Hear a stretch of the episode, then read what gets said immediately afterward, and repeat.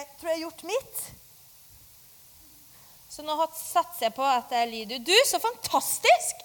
Å få lov til å stå sammen, og at dere har kommet her på gudstjeneste for å synge ut. Hellig, hellig, hellig. Fader, Sønn og Hellig Ånd. Vet du hva? Det gjør vi sammen en hel verdensvid kirke i Norge i dag klokka 11. Men nå har det sunget folk før oss, det synger folk etter oss. Så hele tiden så er det et folk som står og synger 'Hellig, hellig er du, Gud'. Og Det gjør oss til et annerledes folk. Jeg vil bare oppmuntre dere til å fortsette å komme på søndagene nettopp for å synge det og konstatere at det finnes et folk som tror på Jesus Kristus. Og de er i kirken på søndag klokka 11 for å synge det ut. Og Av og til så tenker jeg liksom ja, i dag tror jeg ikke jeg får noe ut av gudstjenesten, men jeg skal gå opp og inn i dørene for å konstatere at det finnes en kirke i Norge som heiser flagget hver søndag, og som tror på Fader, Sønn og Hellig Ånd. Det var utenfor mitt manus, men jeg ville bare si det. For jeg kjente sånn på det. Så vær frimodig, dere, og kom til kirka. Og så jeg bare, kjente jeg liksom at jeg har jo fått vært på ungdomsleir. Og så skjønte jeg at det var kanskje ikke sagt så mye om ungdomsleir. Og så i hvert fall når det ble sagt noe her om at barna skal på leir, så tenkte jeg jeg må bare gi dere noen vitnesbyrd fra Stage Dive påskeleir. For det var altså en fantastisk sted å være første liksom, halvdelen av påska. Og så håper jeg dere kan booste dere som tenker at skal vi sende barna på leir? Ja, gjør det. um, og siste kvelden så fikk jeg lov til å lede delekveld. Og da er det faktisk fantastisk frimodige ungdommer som kommer fram og deler av sitt trosliv. Så jeg tenker For dere som ikke tror det skjer noe blant ungdommen Jo, det gjør det. Altså, Der kommer de fram, og jeg har lyst til å dele eh, litt helt kort. Men altså først en jente som eh, har vært i Albania og vært med foreldrene sine, som har bygget et barnehjem. Og så står de der, skal dele ut biler til guttene og dukker til jentene som en liksom gave. Så er det en lang kø av jenter, sånn som hun forteller det. Eh, og helt bakerst i køen så er det en jente som sitter i rullestol. Og så har hun en pose med dukker som hun skal gi. Midt i køen så ser hun at her er det tomt for poser. Vet ikke om hun sa det var fire igjen. Ikke ta antallet helt sånn, men det var fordi hun skjønte at her er det ikke nok. Så hun sier til mammaen sin mamma, det er ikke nok poser. Da er hun 11 år, og så er hun 14 år på stage nå når hun forteller det. Så sier mammaen jeg går inn og henter noen klistremerker. Og mens mammaen er og henter klistremerker for å liksom gi det til resten, så stopper det ikke på dukker i posen. Det stopper ikke på dukker i posen. Hun bare deler ut helt til den siste jenta i rullestol kommer. Da er posen tom. Og så tenker jeg, liksom, Tenk som 14-åring å stå der og fortelle det til de andre ungdommene. Og liksom fortelle helt frimodig Gud lever, og han gjør ting midt iblant oss. Og så en annen jente som hadde vært på misjonstur i Kenya, på et hjem for utviklingshemmede. Og så får hun lov til å Skal de be for hverandre? Og de norske de får da be for, eh, for, disse menneskene som er på dette hjemmet. Og hun sier at det var fint og flott, men så skal de be for henne. Uh, og så kjenner hun bare at liksom, de har jo ikke språk. Men så ber den ene i rullestol for henne, og det, liksom, de, og det blir så sterkt for henne. For da sitter han der med alle liksom bevegelser han har, og alle lydene han har. Så liksom bare kjenner til at han ber for meg, han. Med alt han har og Gud bor i han. Og så, forventer du litt sånn helbredelseshistorie. Så tenkte jeg, Det var bare fantastisk for ungdommene å få høre liksom at en jente sier at Gud bor der også. Det var nydelig. Og Så var det en annen gutt som kom opp og liksom bare fortalte helt enkelt at Gud hadde liksom gitt han en styrke som han ikke trodde hadde, til å sende en melding til en kompis om at nå må jeg velge en annen vei. Dette er ikke bra for meg. Jeg vil ikke være med å stjele. Og så liksom opplever han at det er ikke han som sender den meldingen, men at det er Gud som gir han den ånden og styrken til å sende den meldingen. Og en siste jente jeg skal fortelle, som kommer opp, og så sier hun Jeg har aldri sagt til noen at jeg er kristen, men pga. samholdet på denne leiren så står jeg her nå i dag, og så sier jeg jeg er kristen. Og så jubler alle ungdommene. Altså, Jeg kjenner jeg får frysninger på hele alt jeg eier og har. Eh, altså, Det var så fantastisk. Og nå for dere som var der, dere får rette meg hvis ikke. Liksom, men jeg, jeg, mener, eller om det er sånn jeg vil huske det Nei da. Men, eh, men, det var altså så fint å være der. Det er fordi at jeg har fått noen opplevelser av et godt fellesskap og jeg tror også det skjer noe på leir. Og jeg vil bare si at Tore, pastoren deres, han var leirprest på den leiren. Og det støkket meg når han kom, og så sa han jeg skal være leirprest, og den ene tingen jeg har gjort, det er å be for denne leiren. Og så skulle jeg tale. Og jeg er ikke sånn av person, jeg er ikke sånn su supersensitiv på sånne åndelige, åndelige øh, følelser. Jeg har ikke liksom det helt i meg. Men Jeg har ikke sagt det til deg, Tore. Um, men jeg skulle tale på StageDive i år. Altså, Det var bare å levere et budskap. Det var knysk. Det var helt stille. Og det var liksom, Jeg trengte ikke å bruke noe krefter på å liksom få disse til å høre på meg. Og så tenker jeg bare Det er fordi noen har bedt på denne leiren. Det er fordi noen har brukt tid med Gud og liksom bedt for stage dive og for disse ungdommene her. Sånn at jeg bare kan komme der og levere. Og Det inspirerte meg rett og slett til å komme hit i dag og si noe om bønn. Egentlig ikke så mye om at du skal be eller ikke be, men jeg har lyst til å liksom bare si noe om bønn. Og så kanskje det liksom kan inspirere deg. Og mest av alt vil jeg si på slutten noe hvem vi ber til. Og Da har jeg tatt utgangspunkt i Matteus eh, kapittel 6, altså i bergpreken, rett før når Jesus har om vår, eh, vår far. Og jeg leser. Når dere ber, skal dere ikke ramse opp ord, slik hedningen gjør. De tror de blir bønnhørt ved å bruke mange ord. Vær ikke lik dem. For dere har en far som vet hva dere trenger, før dere ber han om det. Slik skal dere be. Vår Far i himmelen. La navnet ditt helliges. La riket ditt komme. La viljen din skje på jorden slik som i himmelen. Gi oss i dag vårt daglige brød, og tilgi oss vår skyld, slik også vi tilgir våre skyldnere. Og la oss ikke komme i fristelse, men frels oss fra det onde.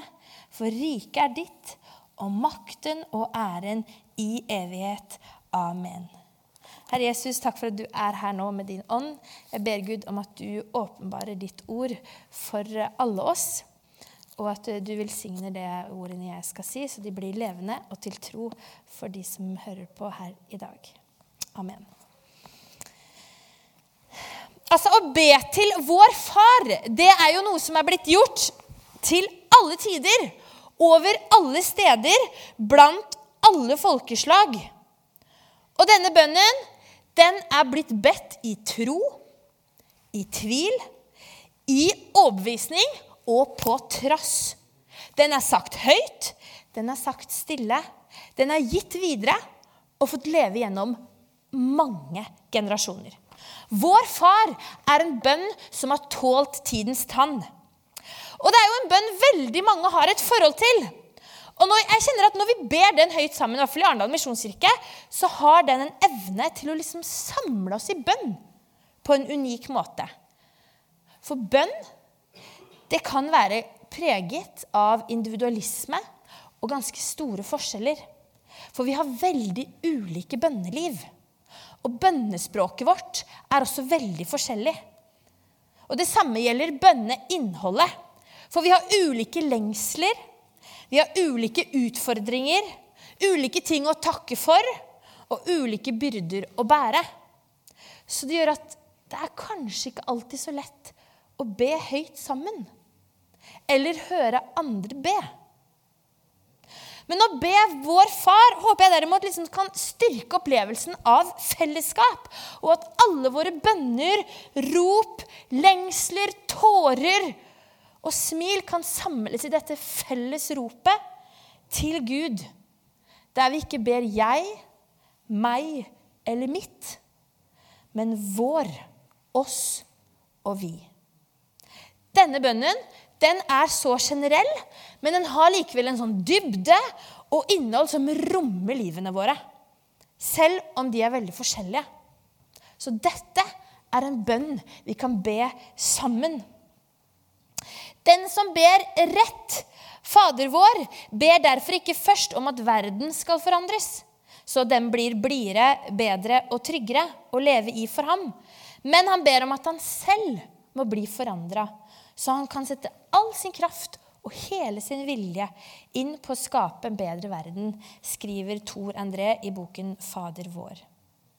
Å be rett, det er en hard eh, uttalelse. Og kanskje vekker det noen dårlige minner for noen av dere. Og det er ikke meningen, så jeg håper dere hører meg ferdig. Men det er den rette konteksten, det er den rette bønnen, som er konteksten for vår far. Og grunnen til at Jesus innleder bønnen med 'slik skal dere be'. Men det er ikke det rette, eh, det rette innholdet i bønnen han er ute etter. Så den kan fortsatt være fri, skriftlig, alt etter hva du liker. Men det er den rette holdningen i bønnen. Vår far det er en del av bergpreken, en tale fra Jesus som i sin helhet kan jo, mange av dere har sikkert lest den, kan oppleves ganske sånn hard. For det er jo en tale om liksom det annerledeslivet som skapes i dem som tror på ham. Så det er en tale om hvordan det kristne lyset og det kristne saltet ikke skal miste sin kraft i verden. Og bønnen, som et uttrykk for relasjonen vi har til Gud, er en del av dette annerledeslivet. Også den skal skille seg fra andre bønner. Og egentlig bare det at vi er et bedende folk, gjør oss i dagens kultur ganske annerledes. Så vår far, det var en bønn for disipler av Jesus. Men det å be på Jesus' sin tid, det var ikke utelukkende for hans disipler. For det gjorde også jødene, f.eks. Sånn som er tilfellet i den verden vi lever i. Det finnes kristenbønn, og det finnes ikke-kristenbønn. Der man ber eller mediterer til andre guddommer. Men i bergpreken så blir da altså fariseerne og hedningene trukket fram som eksempler. Og i avsnittet før vår far så anklager Jesus fariseerne for å være hyklere. For de får bønnen til å handle om seg selv. Og i den sammenhengen, for at bønnen ikke skal bli noe vi beviser overfor andre, sier Jesus at man skal gå inn på rommet med lukkede dører. Man må ikke alltid be alene. Men der kan den riktige holdningen skapes. Der kan man bli minnet om bønnens egentlige hensikt. Og etter fariseerne så anklager Jesus hedningene. For de ramser opp ord, så bønnen blir repetisjon, mekanisk oppramsning og helt egentlig meningsløs. Hedningene misbruker bønnens vesen. Det som var ment å være liksom ekte og personlige henvendelser til Gud, det blir bare oppramsing av ord. Dette betyr at man ikke, det er ikke man ikke kan gjenta bønnene sine eller bruke skrevne bønner. Men Jesus anklagde dem for å bare be med munnen. Ikke med hjertet eller med sinnet. Og Dette rammer jo både liksom liturgiske ledd i Den norske kirke og den frie bønnen, som vi liksom finner de riktige ordene som vi bruker gjennom hele livet. Altså Alt kan være bønn med munnen uten med hjertet. Så Jesus gjør det helt tydelig at Gud bryr seg ikke om mekanikk eller statistikk. Han bryr seg ikke om de flotte ordene, lange frasene eller teologisk innholdet. Martine, det gjelder deg. De tror at de blir bønnhørt når de bruker mange ord. Men det er ikke en slik Gud vi ber til, minner Jesus oss om. Og jeg kjenner Når jeg ser barna her, så tenker jeg for så å være heldig og være masse med barna i min jobb Det kan barna minne oss om. Der kan barna lære oss masse. Og Med bakgrunn i fariseerne og hyklernes bruk av bønnen så sier Jesus, som ellers i bergpreken, vær ikke som dem. Jesus' disipler skal være annerledes. Jesus' disipler skal ikke tenke som fariseerne og hedningene tenker. Jesus' disipler skal ikke bruke bønnen som hyklere eller til oppramsning. Jesus' disipler, oss, skal bruke bønnen til Guds ære. Og dette kommer tydelig fram i måten liksom vår far er konstruert på. Og for dere som er litt sånn, som er glad i sånt altså Det er veldig mye teologi i struktur, hvis noen er spesielt interesserte. Eh, rekkefølgen kan liksom gi oss et innhold. Og i vår far så er de tre første linjene de er rettet mot Gud. Bønnen er først og fremst rettet til Gud. Det er vi som er en del av Guds liv. Gud er ikke, liksom, det er ikke Gud som først og fremst er en del av vårt liv. Så når Gud har fått sin rette plass, så kan alt det andre også falle på plass. Og Deretter handler Vår Far om våre liv, om våre tre grunnleggende behov. Vi trenger brød til livets opphold. Dermed legger vi nåtidens behov fremfor Gud, som skaper av alle livsbetingelser. Vi trenger tilgivelse. Dermed legger vi fortiden framfor Kristus, som frelser og frigjører. Og så trenger vi hjelp i fristelse. Og dermed legger vi framtiden framfor Den hellige ånd, som gir oss trøst, veiledning og kraft i livet vi lever. Så vår far, det inkluderer hele livet vårt. Hele vår bagasje og hele vår framtid. Og denne guden er en himmelsk far som vet hva dere trenger før dere ber han om det. Vi trenger verken å forklare noe til en allvitende Gud, ramse opp alle ønsker eller behovene våre. Vi trenger ikke å overtale en kjærlig Gud med vår egen makt. Og kanskje du tenker hvorfor skal vi da be? Teologen Calvin sier dette. Troende ber ikke for å informere Gud om ting han ikke vet. Eller for å oppmuntre ham til å gjøre sin plikt. Eller for å mase på ham som om han skulle nøle. Tvert imot. De ber for å oppildne seg selv til å søke ham, for å utøve sin tro i det de grunner på hans løfter, for å legge sine bekymringer over i hans favn.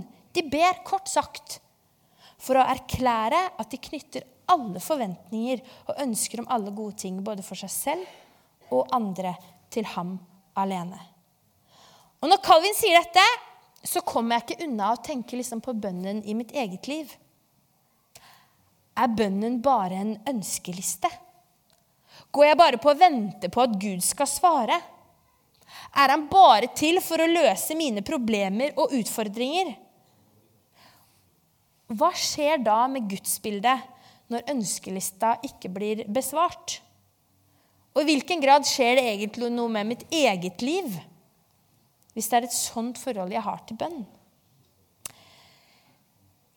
Jeg ser på bønnen som en omvendelse. Jeg ber for å vende meg om.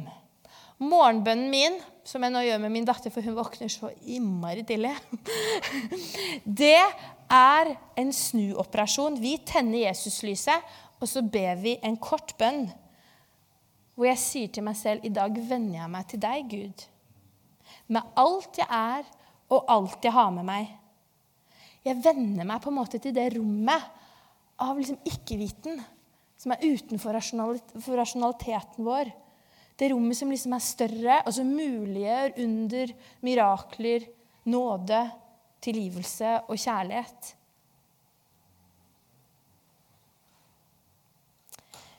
Bønnen min er ingen ønskeliste. Da tror jeg fort jeg ikke hadde trodd på den guden. Men bønnen er bare en sånn det er en lengsel etter å få hvile i Guds kjærlighet. At han bare med all sin makt må forandre dette krøppelige mennesket i kjærlighet, sånn at jeg kan forandre den verden jeg er en del av. Derfor trenger jeg bønnen. Det er rommet mitt der denne lengselen uttrykkes. Og det er liksom den bevisste liksom sånn der, omvendelsen skjer for meg hver dag. Og Søren Kirkengård sier bønnen forandrer ikke Gud, men den forandrer den som ber. Så vår far er en påminnelse til meg og alle om liksom alle våre bønners holdning. Det er et eksempel på en bønn som snakker rett om bønnens hensikt og bønnens vesen. Den kristne bønnen som vi ber, den skal være ekte og oppriktig, i motsetning til hyklersk. Kristen bønn skal være ettertenksom, i motsetning til mekanisk. Og våre hjerter og liv skal være involvert i det vi sier. Vi skal være ekte mennesker. foran Gud. Vi skal være oss selv med alt vi har. Da er bønnen i sitt sanne lys og et uttrykk for fellesskapet som vi har fått med Gud gjennom Jesus. Så hvem er det så vi ber til? Hvem venner vi oss til? Og i hvilke liksom, hender er det jeg venner meg til hver dag? Som jeg legger livet mitt i? Hvem er vår far? Når Jesus kaller Gud for vår far, så tenker jeg at det først er et uttrykk for at Gud er personlig. Altså Nå har jeg akkurat skrevet en masteroppgave om at Gud er personlig.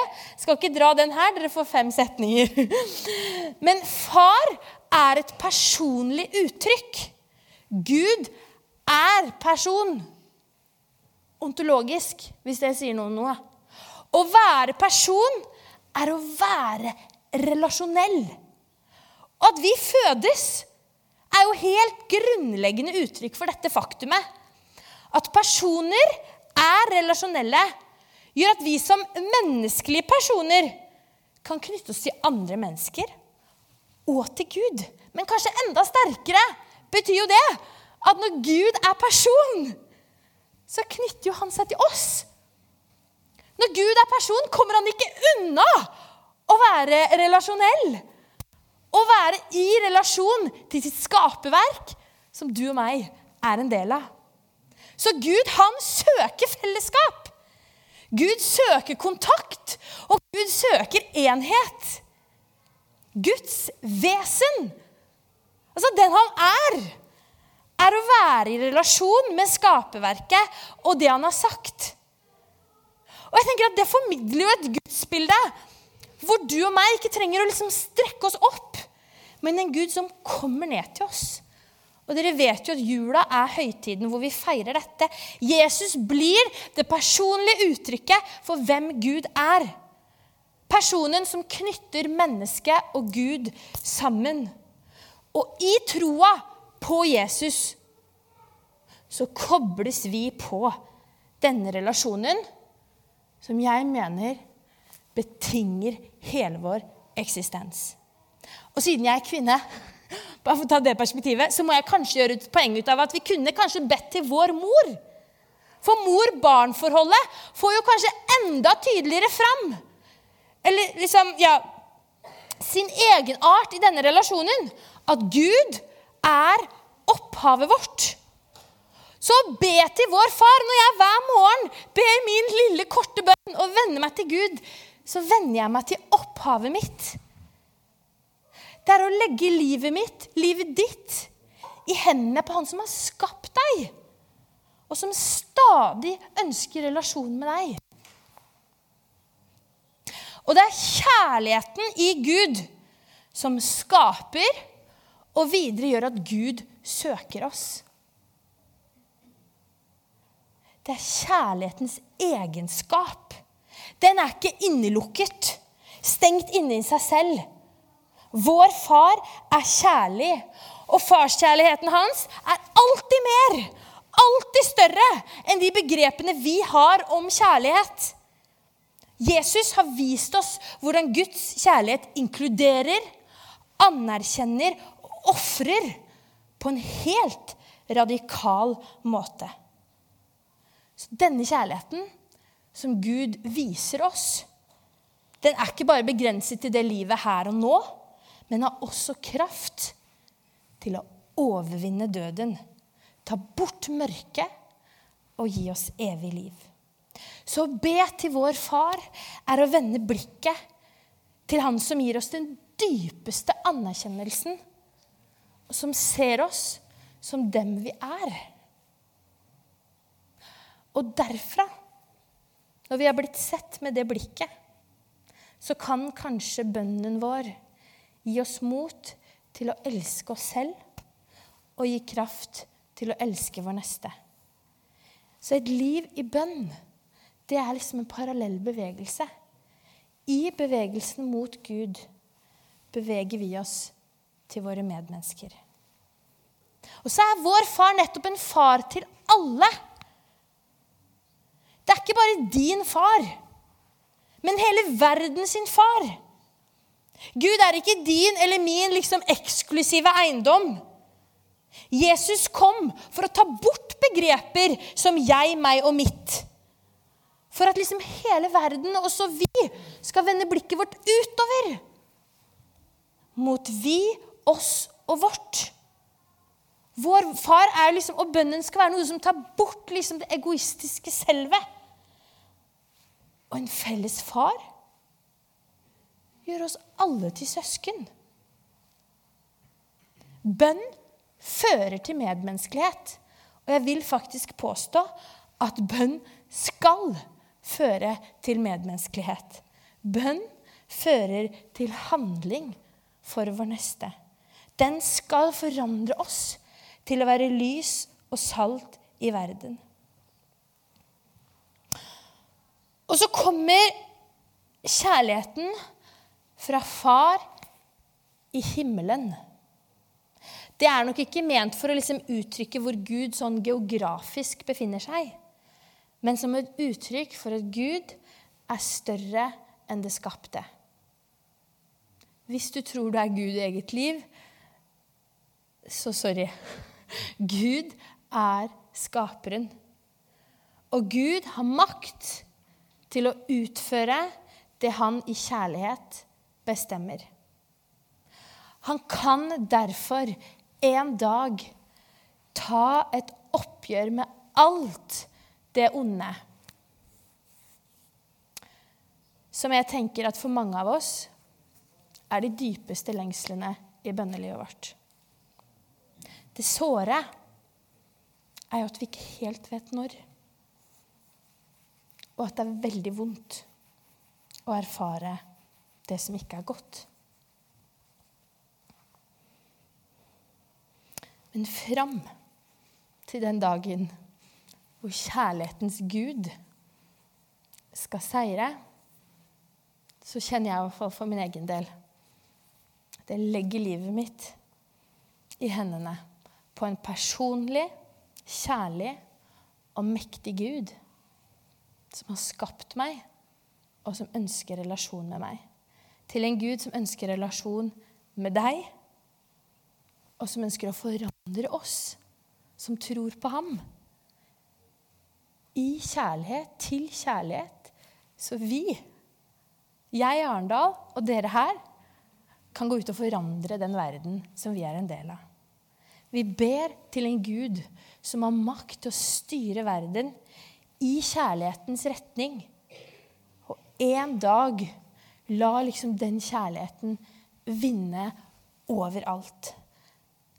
Det er håpet vårt som gjør at jeg i hvert fall stadig roper, lengter, takker og gråter til Gud med alt jeg er. Og at jeg i stadighet vender meg til Gud i prøvelsen i hvert fall om ekte og oppriktig tilbedelse.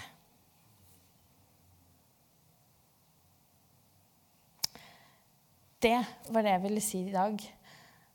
Og jeg håper at det kan oppmuntre og inspirere, og bare i så fall minne oss om hvem vi tror på, hvem han er, og hva vi ber til.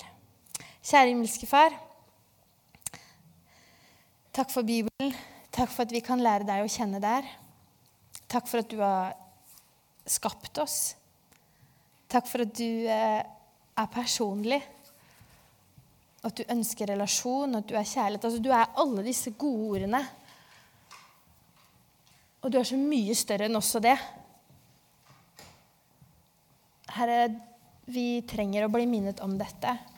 Og vi trenger også å liksom hver dag vende oss til deg. Til du som har skapt oss, til du som er opphavet vårt, og til du som elsker oss. Og så er vi veldig forskjellige hvordan bønnen vår ser ut. Og noen av oss noen har kanskje ikke liksom bedt på lenge, men et sukk er en bønn. En setning er en bønn. Bare liksom i vilje og ønske.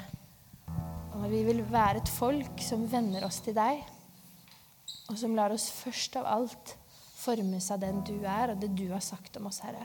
Jeg ber deg for den menigheten som sitter her i dag. Jeg ber om at Porsgrunn misjonskirke er fylt av et folk som venner seg til deg. Et folk som på en måte tar imot det du har gitt dem, det du har vist dem, det du har sagt til dem. Sånn at det former dem. De blir trygge på hvem de er. Og at de bare herfra da, på grunn av det, liksom, så er det sånn Det lyser ut av mursteinen i Porsgrunn misjonskirke. For her er det et folk som venner seg til deg, og som tror på at du har elsket dem. Og så, Herre, så ser du alle bønnene våre som vi kanskje ber på 20. året. Alle bønnene våre som vi kanskje ikke klarer å si høyt. Alle sukkene våre. Og alle de bønnene som ikke det ble noe av. Fordi ondskapen kom, sykdommen kom, og døden kom. Herre, men du har sagt at du er kjærlighetens Gud. Og du har vist oss på korset og med oppstandelsen at du skal seire. Og Herre, vi bare venner oss til deg og håper så veldig at det en dag skal skje. Og så Gud, må du gi oss mot til å være her mens vi er her. Til å elske de rundt oss og elske oss selv. Gud, jeg ber for Porsgrunn misjonskirke at ikke de må miste det håpet Og at du liksom viser det til de, til de som sitter her i dag, som er motløse. Herre, må du bare gi et glimt av dette håpet. Ja, Jesus. Takk for at du er her med din ånd. Takk for ditt ord. Jesu navn. Amen.